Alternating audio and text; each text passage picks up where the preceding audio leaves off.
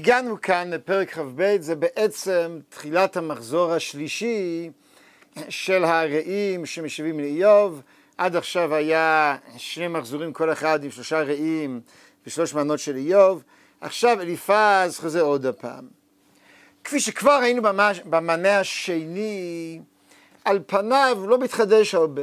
הטיעונים חוזרים על עצמם, אין בו איזושהי תגלית חדשה.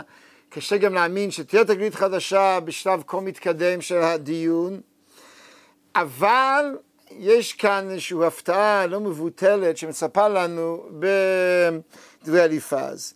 קודם כל נתחיל ונראה את מה שהוא אומר ואז נראה מהי הפתעה.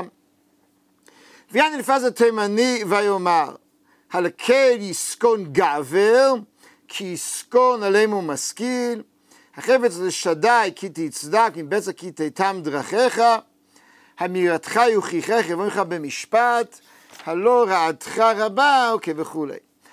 שלב ראשון, זה חוזר על הוויכוח שכבר היה, דהיינו, אליפז בא ואומר, אתה לא יכול להתווכח עם הקדוש ברוך הוא.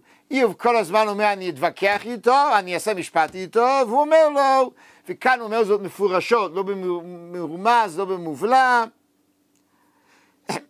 המאירתך יוכיחך יבוא עמך במשפט, אתה לא פונקציה בשבילו, הוא לא יבוא עמך במשפט. אז כאמור, אה, כאן נאמר מפורשות בידי אליפז, מה שכל הזמן ברקע הוויכוח, האם יש או אין לאדם זכות להתווכח או לבוא במשפט, הקדוש ברוך הוא יענה לאדם שלא יתווכח איתו. עכשיו, אה, כאמור, בזה נדמה לי לא מתחדש הרבה. אבל פסוק ה' כאן כאמור אליפז מלא הילוך ולא סתם. הלא רעתך רבה ואין קץ עוונותיך. עד עכשיו אליפז לא האשים את איוב בצורה בוטה. בפרק ד'-ה', כשהוא פתח את הדיאלוג עם איוב, בהתחלה הוא מניח שאיוב צדיק, ואף על פי כן הוא סובל איזה ייסורים כדי לעזור לו, ובתחילת פרק ה', במענה הראשון, הוא רומז שאולי לא הכל בסדר, קרא נא יש עונך, ולמי מקדושים תפנה, כי לאבי כעס ופתה תמיד קינה. אני ראיתי אבין משריש, ויעקב נווה ופתאום, זה בגוף שלישי. הוא רומז שאולי אתה האיש הזה, אולי הרשע שסובל זה אתה, אבל זה רמז בעלמא. במענה השני, בפרק ט"ו, הוא כבר קצת יותר ישיר, אבל הוא עדיין מייחס עוד לאיוב. זה פרק ט"ו, פסוק ה'-ו', פסוקים ה'-ו'. כי יעלף עוונך פיך, ותבחר לשון נאומים, ירשיעך פיך ולא אני, ושפתיך ינובך. לא אני אאשים אותך, אתה מאשים את עצמך. אז הוא טוען שאיוב הוא רשע, אבל איוב הוא זה שבעצם מגלה זאת. דברי איוב עצמם, הם מאשימים אותו, או בלשונו של אליפז, יושרה פיך ולא אני. וכאן, כבר סיפור אחר, הלא רעתך רבה ואין קץ עוונותיך. פה הוא פתאום אומר לו, א', אתה רשע ואני אומר את זה. לא פיך, לא רמזים, אני אומר לך שאתה רשע. ולא סתם רשע, רעתך רבה, ואין קץ עוונותיך. זה ביטוי מאוד חריף, אין קץ עוונותיך. פה כאילו הוא מרגיש שהוא קורא את המסכה מפני איוב, זה לא איזה צדיק, איזה אדם שצריך לטפטף לו שהוא לא כזה צדיק, אלא אין קץ עוונותיך. אבל אם זה כאמור התקדמות והתפתחות משמעותית לעומת העבר, שהוא כבר לא מתנהג בעדינות, אלא הוא באמת אה, אומר את כל מה שליבו בצורה בוטה, הפתעה גדולה לדעתי היא במה שהוא מאשים אותו. וכאן אני קורא, אה, עובר להמשך הפסוקים, כי תחבור אחיך חינם ובגדי הרומים תפשיט, לא מים עייף תשקר, מרעב תמנע לחם. ויזרוע לו הארץ, עשו פנים ישב בה, אלמנות שילחת ריקם וזרות יתומים ידוקה. על כן סותך פחים ולך פחד פתאום. הוא מאשים את איוב בשחיתות בין אדם לחברו בכלל ובפרט לחלשים בחברה. שמדוע זה כל כך מפתיע? זה מפתיע בגלל מה שאיוב מספר לנו עצמו. אני קופץ לפרקים כ"ט ל', כשאיוב מתאר את גדלותו, מיתני חייכי קדם כמי אלוה ישמרני, כאשר הייתי בימי חורפי, בסוד אלוקי עלי אוהלי, בעוד שקע עמדי סביבותי נערי, אני פה קצת, בצאתי שער עלי כרת, ברחוב וכין מושבי, רודי נערים ונחבאו ושישים קמו עמדו, פה איוב בגדלותו, ודיברנו בעבר לו, את הפסוקים האלו? ואז הוא מתאר מה הוא עושה.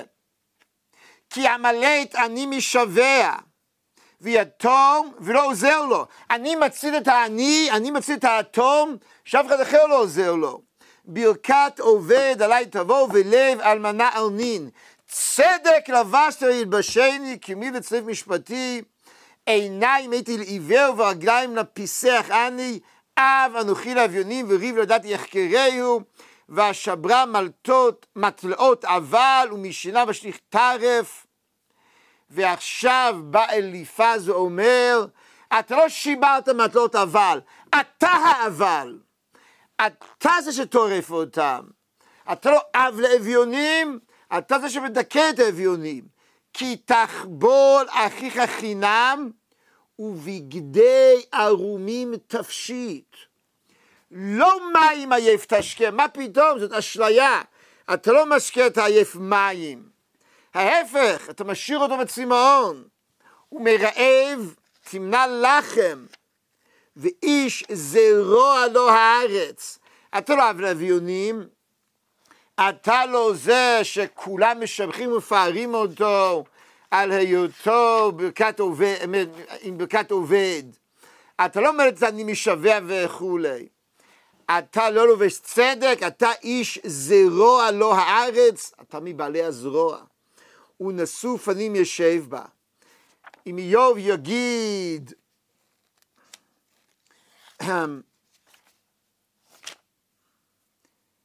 ולב אלמנה ארנין, אז אליפז יאמר, אלמנות שילחת ריקם. אם איוב יגיד, כי המלט אני משווע ויתום ולא עוזר לו, אז אליפז יאמר, וזרות יתומים ידוקה. עכשיו, אה, יש פה אם כן ויכוח על אה, עולמו של איוב.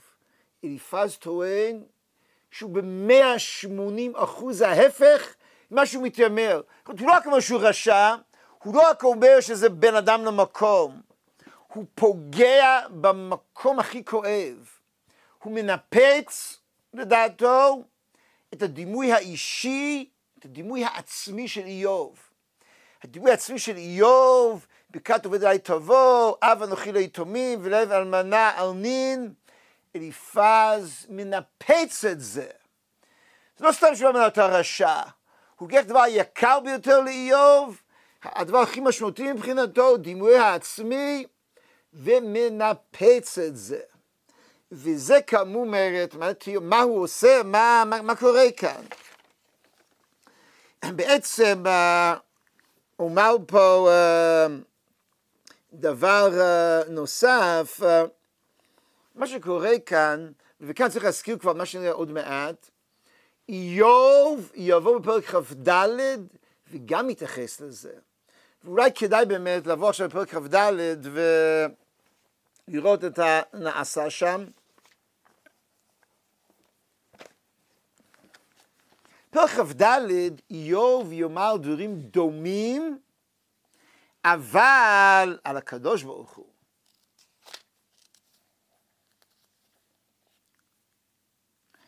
בפרק כ"ד איוב חוזר לתמה שכבר ראינו פה בפרק כ"א ובכל המחזור השני בדברי הרעים, רשע וטוב לו.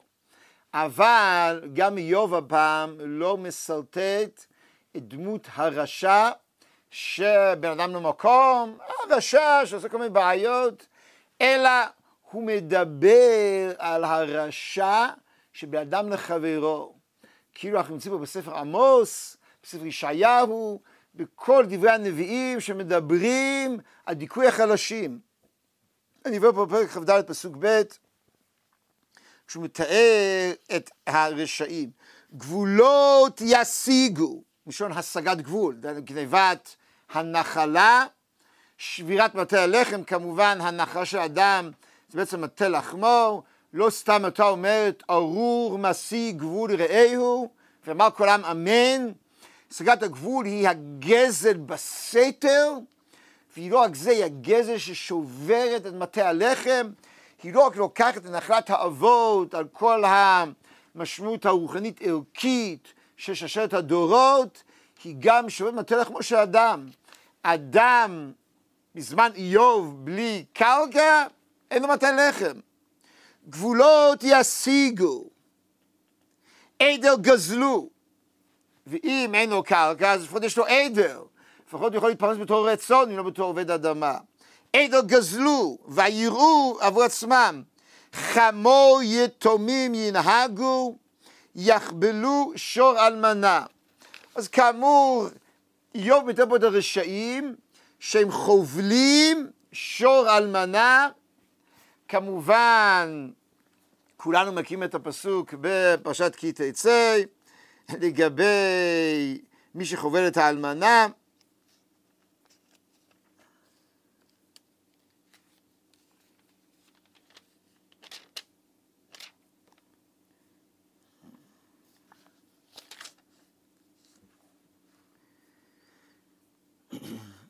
אחד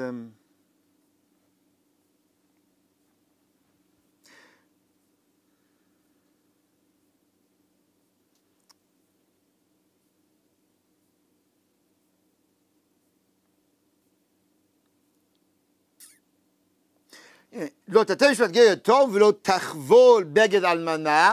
כאן איוב מאשים כאמור אמ, חמו יתומים ינהגו, יחבלו שור אלמנה. כמובן, אני חוזר לפסוקים שם בפרשת כי תצא גם כן, לא יחבוד ריחיים ורכב, כי נפש הוא חובל. הלקיחת הפרנסה, שבירת מטה הלחם, זה בעצם נתפס בתורה כרשעה הגדולה ביותר, כשחיתות המוסרית, היתום והמנה נתפסים כחלשים, כמובן צריכים להזכיר פה גם את הפסוקים בפרשת משפטים, שמדברים על החמלה המיוחדת שהקדוש ברוך הוא מושיט ליתום ולאלמנה, וגר... כל מנה ויתום לא תענון, אם ענה תענה אותו, כי מצור כי צעק אבי ושמוע שמע צעקתו, וחרה פיו אל תתכם בחר, ויהיו נשיכם אלמנות ובדיכם יתומים, וכאן איוב מתאר שהם שפוגעים ביתומים, יחבלו שור אלמנה, יטו אביונים מדרך, יחד חובאו עניי, חובאו הכוונה נחבלו או נפגעו עניי ארץ, אני חוזר שנייה אחת לדברי אליפז. אליפז כאמור מתאר את איוב, כי תחבול אחיך חינם, ובגדי ערומים תפשיט, לא מים עייף תשקר מרב תמנע לחם, אלמנות שילחת ריקם, וזאת יתומים ידוכא. כולם מסכימים שיש פה אלמנות ויתומים שמדכאים אותם, כולם מסכימים שחובלים את המסכנים ואת העניים בחברה. איוב מתאר את זה כרשעים. והוא בעצם מתאר את זה כרשעים שקיבלו רישיון מהקדוש ברוך הוא. אליפז אומר, אתה זה הרשע. אני חוזר לדברי איוב. הם פרעים במדבר יצאו בפועלם משחרר לטרף, ערבה לו לחם לנערים, הוא פה את הרשעים בעלי הזרוע שמתנהגים כמו במאווה פרוע, אין שלטון, החזקים משתוללים, בשדה בלי לא יקצורו, בשדה הם ייקחו מהמסכן, מבעל העסקים הקטנים, ייקחו את התבואה שלו, את היבול שלו, וכרם רשעים ילקשו, ישאירו את המסכנים ערום, ילינו מבלי לבוש, ואין כסות בקרה, הם משאירים פה את המסכנים, את העניים, ערומים, בלי שום בגד נגד הקור, מזרם הרים ירטבו, אין להם, אין להם שום מחסה לא נגד הקור ולא נגד הגשם, ומבלי מחסה חיבקו צור, כי הדימויים פה חזקים מאוד. אין להם שום דבר, כי כניסו איזה מערה, לחבק איזה סלע שיגן עליהם, יגזלו משוד יתום, ועל עני יחבולו, ערום הלכו בלי לבוש העניים שהם גזלו אותם, ורעבים, מאת הרעבים נשאו עומר, והוא ממשיך עוד ועוד ועוד. כי הפסוק האחרון מהתיאור שלו, לאור יקום רוצח יקטל עני ואביון, ובלילה יכי גנב, ועין אוהב שמע נש ולמול לא תשורני עין וכולי. יש פה כאמור תיאור של חברה מושחתת. אלא שאיוב אומר, אני מגן החברה. אני זה שהגנתי, אב הייתי ליתומים, ולב אלמנה על נין. צדק לבשי בשם כמיץ לציב משפטי, איוב יודע, עכשיו איוב, כשהוא מתאר פרק כ"ד, את כל הסבל של העניים, הוא יודע מה הוא מדבר. הוא מדבר בו תיאור חי של חברה כאמור שהחזקים רומסים את החלשים, יש אנרכיה, יש שחיתות חברתית, ואיוב רואה בקדוש ברוך הוא את הכתובת. הוא נותן לרשעים האלו להשתולל, הוא לא עוצר באדם. אם בעצם, אם, העד, אם, אם לולי מורה של מלכות איש את רעי חיים בלאום, אומר איוב, אין בו מוראו של מלכו של עולם. מלכו של עולם נותן לאיש את רעי חיים בלאום. הוא נותן פה לחזקים להשתולל, לחמוס, לחבול. לעומת זאת אליפז מפנה אליו את הכתובת. כאמור, לא, לא קשה להבין כמה זה פוגע בו. יותר מכל דבר אחר, איוב כבר השלים הסבל. איוב כבר השלים עם זה שהוא יושב על האפר והוא מתגרד ויורים בו חיצים. הדבר האחרון שהוא רוצה לשמור זה כאמור כבודו, זאת אומרת, זכרו הטוב, שמו הטוב, אני אמרתי גואלי חי ולאחרון עפר יקום, וידע איזה צדיק הייתי, ועכשיו אליפז בדברי הפרידה שלו, והוא לא מדבר יותר אחרי זה. אליפז בדברי הפרידה שלו, בעצם בא ואומר מושחת! זה מה שאליפז טוען. אז כאמור הפגיעה היא עצומה. עכשיו מה הולך פה באמת? מה... כולם רק מסכימים דבר אחד, שרשעים גוזלים את העניים ואת היתומים. עכשיו, מדוע הנושא הזה כל כך מככב כאן? מדוע הנושא הזה כל כך משמעותי? נדמה לי שיש איזו סיבה כפולה. מדוע היחס בין אדם לחברו זה בעצם בדו-קרב האחרון שבין איוב לבין אליפז, אפשר גם בשום מקום לומר גם בין איוב למקום. וזה מרד, כמדומני, יש שתי סיבות. א', נקודה אחת היא בעצם היחס לחלש. היחס לחלש מצדיק, כן, היחס לחלש מצדיק או לא מצדיק את מה שמגיע לאדם את הקדוש ברוך הוא. אשתדל להבהיר את עצמי. העד... הקדוש ברוך הוא נותן לכולנו מתנת חינם. פותח את ידיך ומסביר כל חיי רצון. הקדוש ברוך הוא נותן לכולנו מתנת חינם. עכשיו, במה אנחנו מצדיקים את זה? איך אנחנו בעצם באים ומצדיקים את העובדה שקדוש ברוך הוא נותן לנו לחם? אז התשובה במידה ידועה ואני מקצר במקום שהיה צריך להאריך יותר, על ידי מצוות צדקה. כשאדם נותן צדקה, הוא בעצם בא ומכריז ואומר, אני מנהיג את העולם, את העולם שאני אחראי אליו, העולם שיש לי בו השפעה, במידת הרחמים. אני יכול לומר לעני שדופק בדלת, שלי שלי, שלך שלך. אני יכול לומר לו, מי שטרח בערב שבת, יאכל בשבת. עכשיו לפעמים יש עניים שטורחים ולא עולה בידם, לפעמים יש עניים שלא טורחים.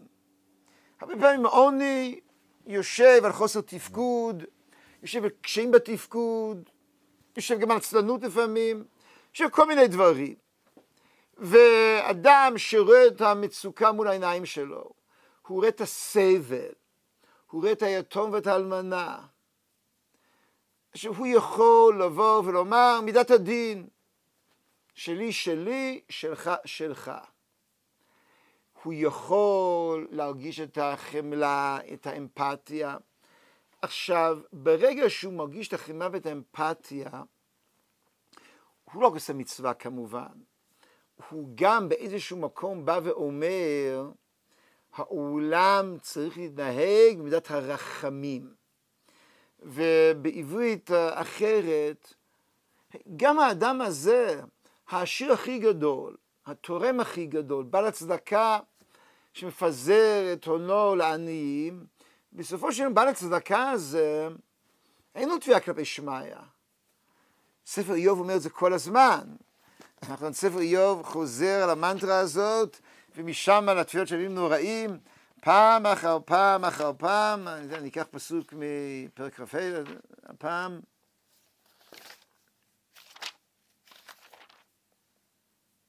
ומה יצדק אנוש אם כן, ומה יזכה ילוד אישה, אף כי אנוש רימה ובן אדם תולעה, והן מלאכיו לא יאמין, הם מקדשיו לא יאמינו מלאכיו ושים תוהלה, אף כי שוכני בתי חומר, ככה אמר אליפז במנה הראשון שלו. יש, אדם אין תביעה כלפי שמיא.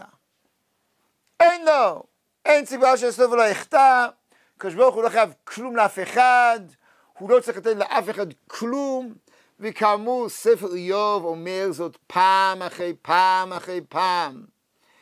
מה אם כן בכל זאת מצדיק את הפנייה? למה אני יכול לבקש מהקדוש ברוך הוא פרנסה?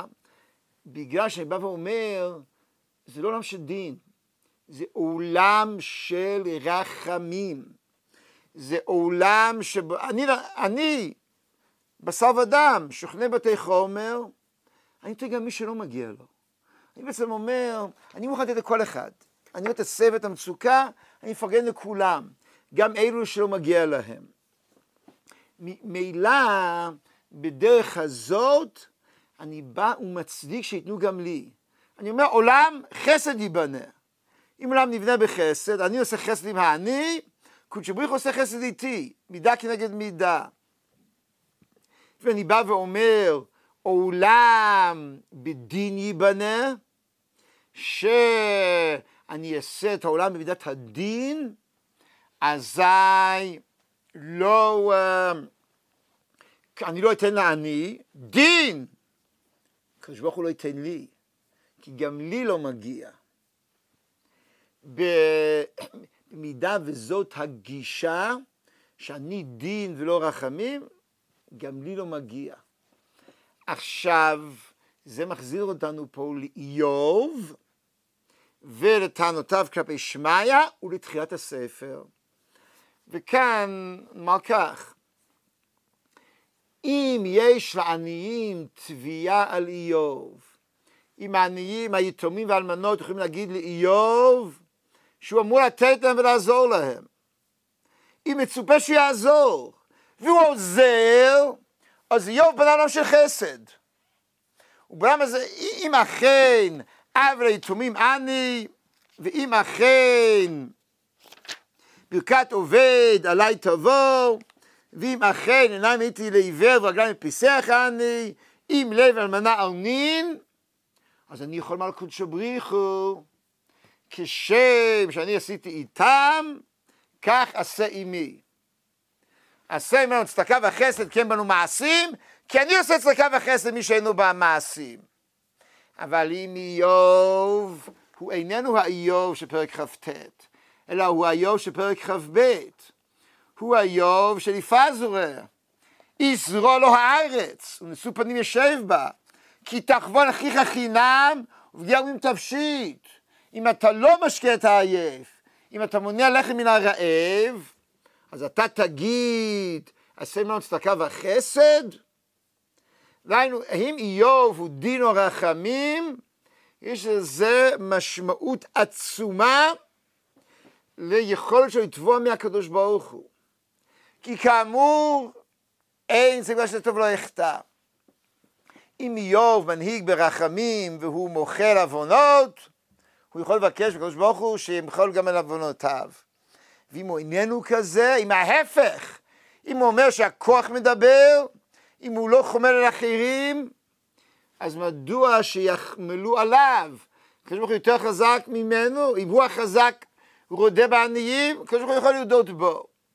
לכן זאת שאלה קריטית. עכשיו פה אני מזכיר את ההצעה שהצענו בפרק ב', בתחילת הספר, שבאיזשהו מקום זה הוויכוח וזה הדיון בין הקדוש ברוך הוא לשטן. השטן רוצה עולם של דין.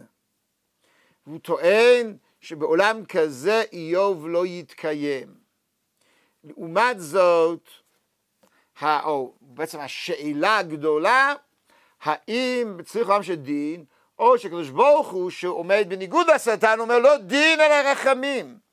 אני מזכיר פה את ספר יונה, שספר יונה זה בעצם אותו ויכוח, יונה בן אמיתי, וחז"ל אומרים שהוא מזרעו של אליהו, שהוא מידת הדין, יונה רוצה דין והוא טוען שכל מי ש... שם הוא מדבר לא על החלש אלא החוטא, שהחוטא בעוונותיהם יימקו. והקדוש ברוך הוא כל הזמן אומר, אני לא אחוס על ננבי העיר הגדולה, אני לא אחוס על המלאכים, וכך בספר יונה, הוויכוח בין הקדוש ברוך הוא ליונה הוא ויכוח על דין מול רחמים, כך גם בספר איוב, השטן רוצה דין, וכבר הזכרנו את זה בשמו של הרמב"ן, פרק ב' מדבר כל הזמן מידת שם י"ק ו"ק, דהיינו מידת הרחמים. וכאן אם כן, מעשיו של איוב עומדים. גם בעולם של רחמים, אם איוב הוא רחמן, אם איוב הוא ברכת עובד עלי תבוא, אז יש בסיס לטענותיו. השטן יפסיד. בעולם כזה, ותשליך אמת ארצה, ועולם חסד ייבנה. אבי מליפז צודק, ואיוב הוא סלם של דין וגרוע מזה. הוא סלם של כוח, בעולם כזה איוב חייב.